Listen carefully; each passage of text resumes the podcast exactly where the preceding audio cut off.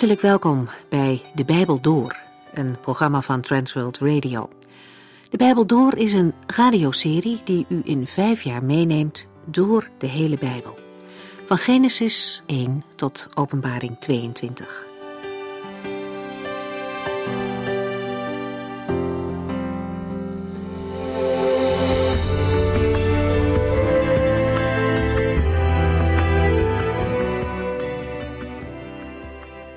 Fijn dat u er weer bent.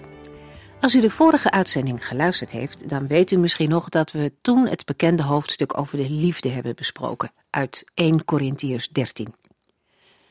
Dat is inderdaad een indringend en belangrijk hoofdstuk over wat echte liefde is en wat echte liefde doet. 1 Corinthiërs 13 staat ingeklemd tussen hoofdstukken over gaven in de gemeente. Paulus legt eerst uit dat God ieder gemeentelid een verschillende gave heeft gegeven en dat zij elkaar daarin moeten waarderen en respecteren. In hoofdstuk 14, waar we het vandaag over zullen hebben, gaat hij dieper in op hoe iedereen zijn talent, zijn gave kan gebruiken om de gemeente mee op te bouwen.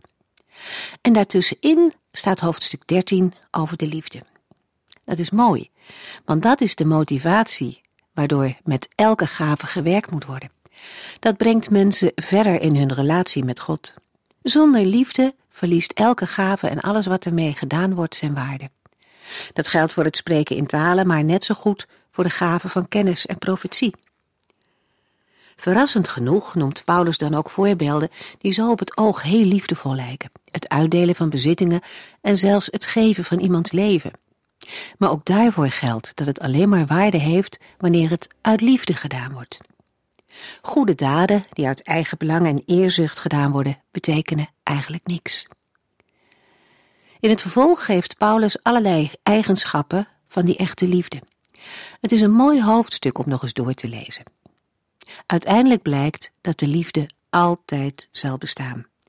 De gaven van de geest zijn tijdelijk. In de eeuwigheid zullen ze niet meer nodig zijn. Mooi hè? Want dan zal er een volmaakte gemeenschap zijn tussen God en mensen, waarin de liefde een blijvende plaats heeft. Paulus gaat verder met spreken over de gaven van de geest waar de gelovigen naar mogen streven. 1 Corinthiërs 14.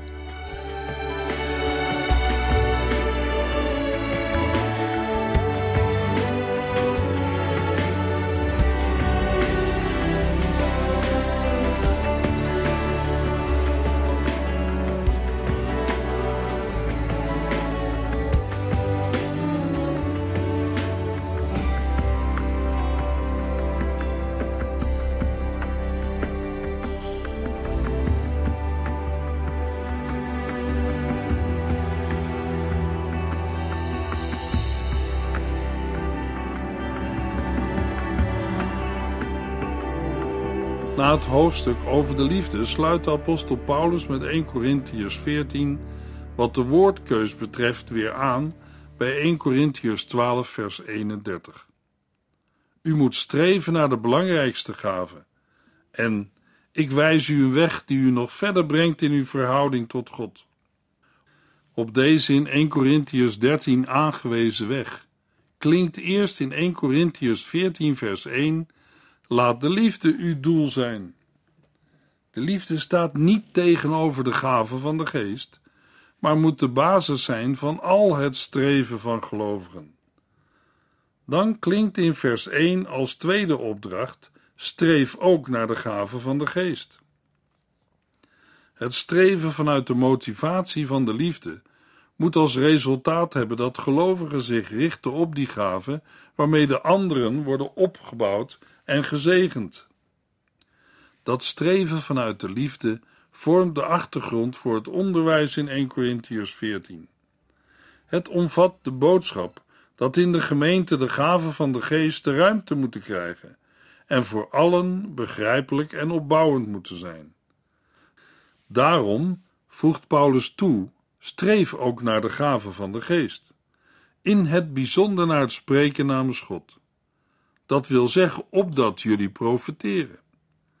Het streven naar de gaven van de geest houdt in verlangen naar en zich openstellen voor de uitingen van de Heilige Geest. En bovendien bidden om geloof en vrijmoedigheid, om het geopenbaarde uit te spreken. De opdracht is in 1 Corinthians 14 algemeen gericht aan de hele gemeente. Een gelovige is door de Heilige Geest ingevoegd in het lichaam van Christus, tot één lichaam gedoopt, en is in en vanuit de gemeente werkzaam met de van God ontvangen gaven van de Heilige Geest. Daarom schrijft de apostel in vers 1: Laat de liefde uw doel zijn, maar streef ook naar de gaven van de Geest, in het bijzonder naar het spreken namens God.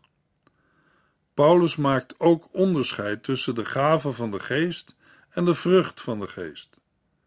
De vrucht van de geest is naar gelaten 5 vers 22 liefde, blijdschap, vrede, geduld, vriendelijkheid, mildheid, trouw, tederheid en zelfbeheersing.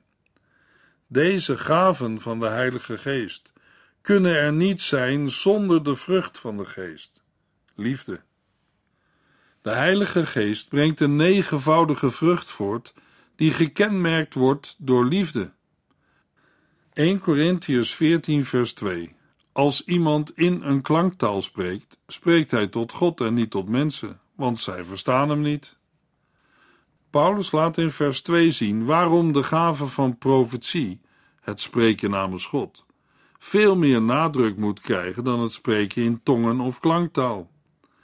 Het spreken in tongen wordt door Paulus niet afgewezen, maar heeft zijn waarde vooral als persoonlijke gebedstaal. Wat de Heilige Geest door de gelovigen tot God spreekt, zijn geheimenissen, verborgenheden. Het gaat eenvoudigweg om dingen die verborgen zijn, omdat ze nog door de spreker, nog door de toehoorder worden begrepen, tenzij het wordt uitgelegd. Een gelovige die in tongen spreekt, wordt overweldigd door een grote blijdschap en vreugde. Hij of zij mag stem geven aan voor mensen onverstaanbare klanken die worden uitgesproken tot God. Als iemand in een klanktaal spreekt, spreekt hij tot God en niet tot mensen, want zij verstaan hem niet. 1 Corinthians 14 vers 3 Maar wie woorden van God doorgeeft, spreekt de mensen opbouwend, bemoedigend en troostend toe. In tegenstelling tot degene die in tongen of in klanktaal spreekt, richt degene die profeteert, spreekt namens God, zich wel tot mensen. Daarom is de gave van profetie bij uitstek geschikt voor toepassing in de gemeente. De profetie bewerkt opbouw, zowel in de zin van versterking van het individuele geloofsleven als in de zin van versterking van de gemeenschap. Paulus noemt drie aspecten van het spreken namens God, namelijk opbouw, bemoediging en vertroosting. Het Griekse woord voor bemoediging heeft een bredere betekenis. Het zelfstandig naamwoord is afgeleid van een werkwoord dat erbij roepen betekent. Het betekent ook te hulp roepen, verzoeken en smeken, als ook oproepen, vermanen en aansporen. Ten slotte betekent het ook vriendelijk aanmoedigen, bemoedigen en troosten. We kunnen uit vers 3 ook concluderen dat profetie, het spreken namens God, niet noodzakelijkerwijs altijd over de toekomst gaat. Het spreken namens God door de Heilige Geest en door middel van de gave van profetie is gericht op datgene wat de gelovigen op dat moment in Gods ogen aan onderwijzing nodig hebben. 1 Corinthians 14, vers 4. Als iemand in een klanktaal spreekt, bouwt hij zichzelf op. Maar als iemand woorden van God doorgeeft, bouwt hij de gemeente op. Degene die in een klanktaal spreekt, richt zich tot God. Dat is beslist waardevol, want het gebed van de Heilige Geest in een gelovige tot God wordt door hem gehoord en verhoord. Dit wordt ervaren door de gelovige die in tongen of klanktaal bidt. Ook al verstaat hij zelf de woorden niet, hij bouwt zichzelf op. Dat wil zeggen, hij bemerkt dat het spreken in een tong gepaard gaat met blijdschap, bemoediging, vertroosting, goedkeuring, inzicht en oplossing van problemen. Het is samen te vatten als opbouw van het eigen geloofsleven. Degene die profeteert, bouwt de gemeente op. De door de Heilige Geest geïnspireerde woorden hebben als resultaat dat medegelovigen in de gemeente in hun persoonlijke situatie worden bemoedigd, vertroost, gezegend en gewaarschuwd. En dat ongelovige toehoorders door God op hun leven worden aangesproken. 1 Corinthians 14, vers 5 en 6. Ik zou graag willen dat u allemaal in klanktalen sprak, maar nog liever dat u woorden van God doorgaf, want dat is veel belangrijker. Als u iets in een klanktaal zegt, heeft de gemeente er alleen iets aan als u uitlegt wat het betekent. Wat voor nut heeft het, broeders en zusters, als ik bij u kom en in klanktalen spreek? Maar het is heel anders als ik u in verstaanbare taal vertel wat God mij duidelijk maakte. Als ik u bekend maak wat u nog niet weet, of wat ik van God moet doorgeven, of als ik u iets leer. In vers 5 gaat Paulus ervan uit dat degene die in de gemeente hardop in tongen spreekt, zelf het gesprokene uitlegt. Maar ook een ander kan het gesprokene uitleggen. Omdat de Corinthiërs mogelijk toch nog niet overtuigd zijn van het betoog van de apostel Paulus, geeft hij een aantal voorbeelden. In het eerste voorbeeld gaat hij uit van zichzelf. Hoe zouden de Corinthiërs het vinden als Paulus tot hen zou komen en in de samenkomst alleen maar in tongen zou spreken? Zij moeten toch wel inzien dat zo'n bezoek van Paulus voor hen weinig zinvol is, als hij niet tot hen spreekt in een verstaanbare taal. Paulus noemt hier naast profetie nog drie gaven van de Heilige Geest, namelijk openbaring, kennis en onderwijzing. Het zijn gaven die ook typerend zijn voor zijn eigen bediening. In dit verband kunnen we openbaring omschrijven als de onthulling van iets dat verborgen is, en kennis als de bron waaruit respectievelijk de profetie en de onderwijzing putten. Daarnaast kan het uitspreken van een openbaring en van kennis als aparte gaven worden gezien, te vergelijken met woorden van wijsheid en kennis. 1 Corinthians 14, vers 7 en 8. Denk maar eens aan muziekinstrumenten, de fluit en de citer bijvoorbeeld. Als er zomaar wat op geblazen of getokkeld wordt, zal geen mens er enige melodie in horen. En hoe moeten soldaten zich voor de strijd klaarmaken als de trompet geen duidelijk signaal geeft? Paulus neemt in vers 7 muziekinstrumenten als voorbeeld van muziekinstrumenten geldt als zij geen onderscheid in tonen of toonhoogte geven, hoe zal dan herkend worden wat op de fluit of citer wordt gespeeld? Niemand zal in dat geval een melodie herkennen. Toegepast op het spreken in tongen, als iemand in een klanktaal spreekt en de gesproken woorden worden niet herkend, dan wordt er ook geen boodschap overgebracht. Met fluit wordt hier de schalmei bedoeld. Een schalmei is de voorloper van onze hobo en klarinet. Het volgende instrument dat Paulus noemt is de trompet of bazuin. Van oudsher werd het schallende geluid van dergelijke blaasinstrumenten, in Israël de shofar of ramshoorn, gebruikt om soldaten op te roepen om ten strijde te trekken. En was het ook het signaal voor de aanval als het geluid van de trompet onduidelijk klinkt?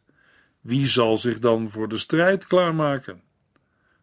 Zo is het ook met iemand die in tongen spreekt en geen uitleg geeft. Het blijft voor de toehoorders onduidelijk wat de boodschap van de klanktaal is. Dan zal ook niemand op die boodschap reageren. 1 Corinthians 14, vers 9. Wel, als u een taal spreekt die niemand verstaat, gaan uw woorden verloren in de lucht. In vers 9 neemt nu de menselijke taal de plaats in van de in de voorbeelden genoemde muziekinstrumenten.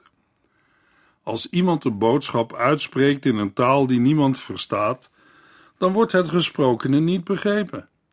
Degene die spreekt is als iemand die in de lucht spreekt.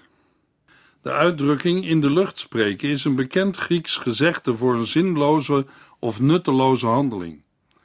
Daarbij heeft Paulus in dit vers gewoon de menselijke tong als spraakorgaan op het oog en niet de tongentaal. 1 Corinthians 14, vers 10 tot en met 12. Er worden in de wereld vele talen gesproken. Maar als iemand iets tegen mij zegt in een taal die ik niet versta, blijven wij vreemden voor elkaar. Dus moet u, omdat u zo vurig naar de gave van de geest verlangt, proberen uit te blinken in die gave waar de gemeente door opgebouwd wordt. Het laatste en een voorbeeld dat het meest dichtbij ligt, is het probleem dat zich voordoet als twee mensen een verschillende taal spreken. Van de vele talen die er op aarde zijn, is er geen één zonder klanken met een betekenis. Ook al verstaat een mens een andere taal niet, iedere taal heeft woorden met een betekenis. Daardoor geeft juist taal de mogelijkheid om zich uit te drukken. Maar er kan geen communicatie tussen mensen zijn als de taal die zij spreken niet verstaan of begrepen wordt. 1 Corinthians 14, vers 13. Daarom moet iemand die in klanktalen spreekt, God vragen of hij het ook mag uitleggen. Vers 13 vormt een praktische uitwerking van het voorgaande.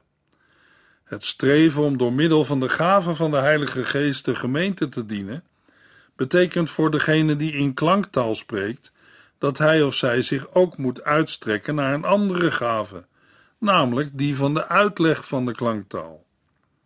De basis van dat streven moet de liefde zijn, en de weg waarlangs een dergelijke gave wordt ontvangen, is die van gebed.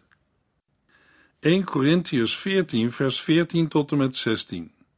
Want als ik in een klanktaal bid, is het met mijn geest die bidt, mijn verstand staat er buiten. Wat ik hiermee wil zeggen, is dat ik zal bidden met mijn geest en bidden met mijn verstand. Ik zal tot eer van God zingen met mijn geest en zingen met mijn verstand. Want als u alleen met uw geest God prijst en dankt, hoe kan dan een belangstellende die daar ook is, zeggen of hij het met u eens is? Hij verstaat er immers niets van.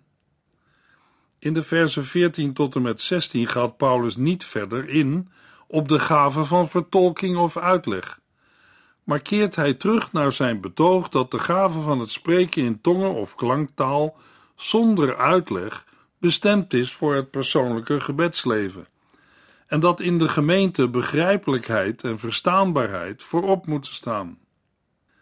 Voor het eerst maken we in vers 15 kennis met het feit dat zingen niet alleen met het verstand kan, maar ook met mijn geest. Dit kan niets anders betekenen dan dat de gave van het spreken in tongen gecombineerd werd met bestaande of geïnspireerde melodieën.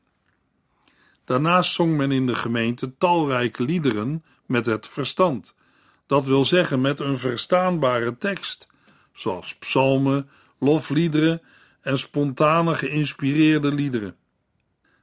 Met mijn geest moeten we opvatten als met mijn eigen geest, die onder leiding van de Heilige Geest tot het spreken in tongen of klanktaal wordt geïnspireerd.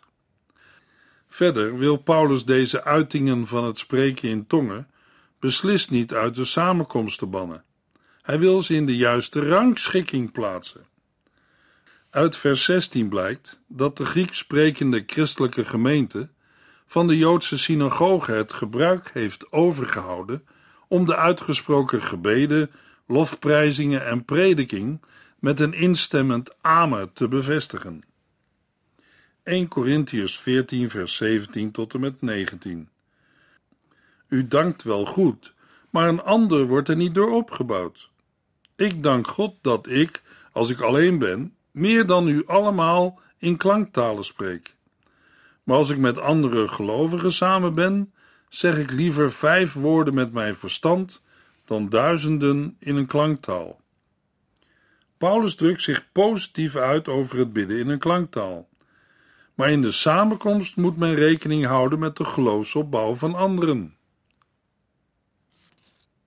In zijn eigen relatie met de Heere speelt de gave van het spreken, bidden en lofzingen in tongen een grote rol. Voor de opbouw van zijn eigen geloofsleven zou Paulus niet zonder willen of kunnen. Paulus was een man van gebed. 1 Corinthians 14, vers 20. Vrienden, denk niet als kinderen, maar wees volwassen in uw denken. Alleen in het kwaad moet u onmondig zijn. De Corinthiërs beschouwen zichzelf als wijs en verstandig.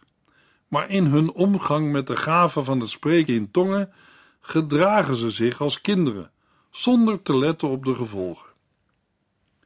1 Corinthians 14, vers 21 en 22. In de boeken staat geschreven: God zal buitenlanders sturen die in onverstaanbare talen tot het volk spreken. Maar zij zullen niet naar hem luisteren. Daaruit blijkt wel dat de klanktalen de ongelovigen iets duidelijk moeten maken en niet de gelovigen. Maar de verstaanbare woorden die namens God worden gesproken, zijn voor de gelovigen en niet voor de ongelovigen. Paulus maakt aan de hand van een aanhaling uit Jesaja 28 duidelijk dat spreken in tongen niet de gewenste bekering van ongelovigen ten gevolge zal hebben. In de profetie van Jesaja gaat het om de komst van de Assyriërs naar Israël en Juda. Hun komst betekent het oordeel voor Israël, dat in ballingschap wordt weggevoerd, en een laatste waarschuwing aan het adres van Juda. Maar ook deze laatste waarschuwing brengt Juda niet tot bekering. Zo zal ook de gave van het spreken in tongen de ongelovigen niet tot inkeer brengen. 1 Corinthians 14, vers 23. Anderzijds zal een ongelovige of belangstellende zeggen dat u dol geworden bent als hij in de gemeente komt en iedereen onverstaanbare talen hoort spreken. Het spreken in tongen wordt een oordeelsteken voor de ongelovigen, want het bewerkt dat zij zich onbekeerd afwenden en verloren gaan. 1 Corinthians 14, vers 24 en 25. Maar als u allemaal namens God spreekt, wordt zo iemand overtuigd en zal hij tot inzicht komen omdat zijn geweten gaat spreken. Wat er in hem omgaat, komt aan het licht. Dan zal hij op zijn knieën vallen, God aanbidden en openlijk erkennen dat God bij u is. De tweede situatie laat zien hoe een profetie wel een positief teken of bewijs van Gods aanwezigheid kan zijn voor een ongelovige. 1 Corinthians 14, vers 26 tot en met 31. Weet u hoe het moet, broeders en zusters? Als u bijeenkomt, neemt ieder deel aan de dienst. De een zingt een lied, de ander onderwijst. De een geeft door wat God hem duidelijk heeft gemaakt, de ander spreekt in klanktalen en weer een ander legt uit wat hij zegt. Maar het moet wel opbouwend zijn. Er mogen niet meer dan twee of drie hardop in een klanktaal spreken en dan niet tegelijk, maar om de beurt. Bovendien moet iemand uitleggen wat het betekent. Als die er niet is, mag u in de gemeente niet hardop in een klanktaal spreken. Doe het dan maar stil voor uzelf en voor God. Er mogen ook niet meer dan twee of drie personen namens God spreken. Bovendien moeten de anderen beoordelen of hun woorden door God zijn ingegeven of niet. Maar als er iemand zit aan wie God ineens iets duidelijk maakt, moet degene die juist aan het woord is stoppen met spreken. Als het zo gaat, komen alle die woorden van God doorgeven aan de beurt. Daardoor zullen alle aanwezigen iets leren en bemoedigd worden. Paulus komt met vers 26 tot de praktische uitwerking van zijn onderwijs over het functioneren van de gaven van de Heilige Geest in de gemeente. 1 Corinthians 14, vers 32 en 33. Wie woorden van God doorgeven, kunnen daar best even mee wachten tot een geschikt moment. God wil geen wanorde, maar vrede en harmonie in alle gemeenten. Waar gelovigen bijeenkomen, moeten de vrouwen zwijgen. Ze mogen niet spreken, maar moeten zo nederig zijn dat aan de mannen over te laten. Dat staat ook in de wet van Mozes. De noodzaak van een harmonieus verloop van de samenkomst waarin alle gaven ten dienste staan van de opbouw van de gemeente, ligt ten diepste besloten in het karakter van God zelf. Hoewel het in de vroege kerk zeker niet gebruikelijk was dat een vrouw in de samenkomst predikte of onderwijs gaf, vinden we nergens in het Nieuwe Testament een voorschrift dat de vrouw in de gemeente geheel en al moet zwijgen. We kunnen de regel dat de vrouwen in de gemeente moeten zwijgen dan ook het beste opvatten als een verbod om zich in de discussie rond de toetsing van de geestesgaven te mengen of om de profeten in de reden te vallen. Verder was het vrouwen niet toegestaan om de gemeente gezaghebbend te onderwijzen. 1 Corinthians 14 vers 35 tot en met 40 Als zij iets willen vragen, moeten ze dat thuis aan hun man vragen, want een vrouw hoort in de gemeente niet te spreken. Wat denkt u wel? Dat Gods woord uit uw midden is voortgekomen? Of dat het alleen u heeft bereikt? En als iemand meent namens God te spreken of geestelijk onderscheidingsvermogen te hebben, moet hij wel weten dat wat ik hier schrijf een bevel van God is. Wie het negeert, zal zelf genegeerd worden. Dus, broeders en zusters, streef ernaar namens God te spreken, maar verbied het spreken in klanktalen niet. Alles wat gedaan wordt, moet fatsoenlijk en ordelijk gaan. Binnen de cultuur van het Jodendom en de Griekse wereld werd het als zeer ongepast gezien als vrouwen in het openbaar met mannen over officiële onderwerpen discussieerden. Er werd van hen een meer afwachtende houding verwacht. Al eerder sprak de apostel zich uit over deze vrouwen. Onder het voorwendsel dat zij bijzonder geestelijk waren, verwierpen zij de seksuele omgang binnen het huwelijk, verzetten zij zich tegen de traditionele hoofdbedekking voor de vrouw en probeerden met woorden de boventoon in de gemeente te voeren. Met een radicale maatregel legt Paulus deze vrouwen het zwijgen op. Wie de gaven van de geest gebruikt zonder Gods wil te doen, wordt uiteindelijk door de Heeren niet gekend. Bij het functioneren van de gaven van de geest moet de opbouw van de gemeente voorop staan. In de volgende uitzending lezen we 1 Corinthians 15 vers 1 tot en met 8.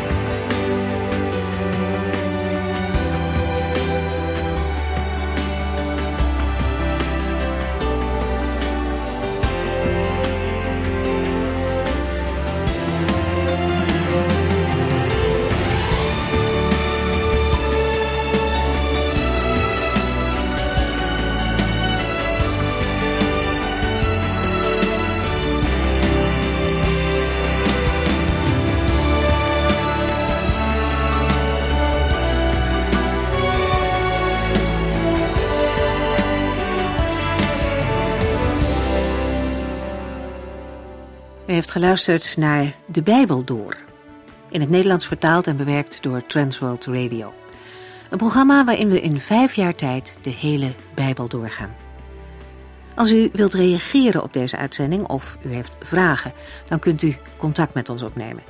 Tijdens kantooruren kunt u bellen op 0342 47 8432. 0342 47 8432. 32.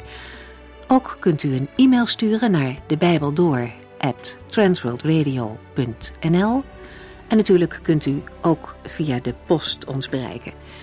TWR, postbus 371, postcode 3770, AJ in Barneveld. Dit programma werd gepresenteerd door Cor Weda en Ike André. Techniek was in handen van Odin van Woerdekom. En wij allemaal bedanken u voor het luisteren. Graag tot de volgende keer.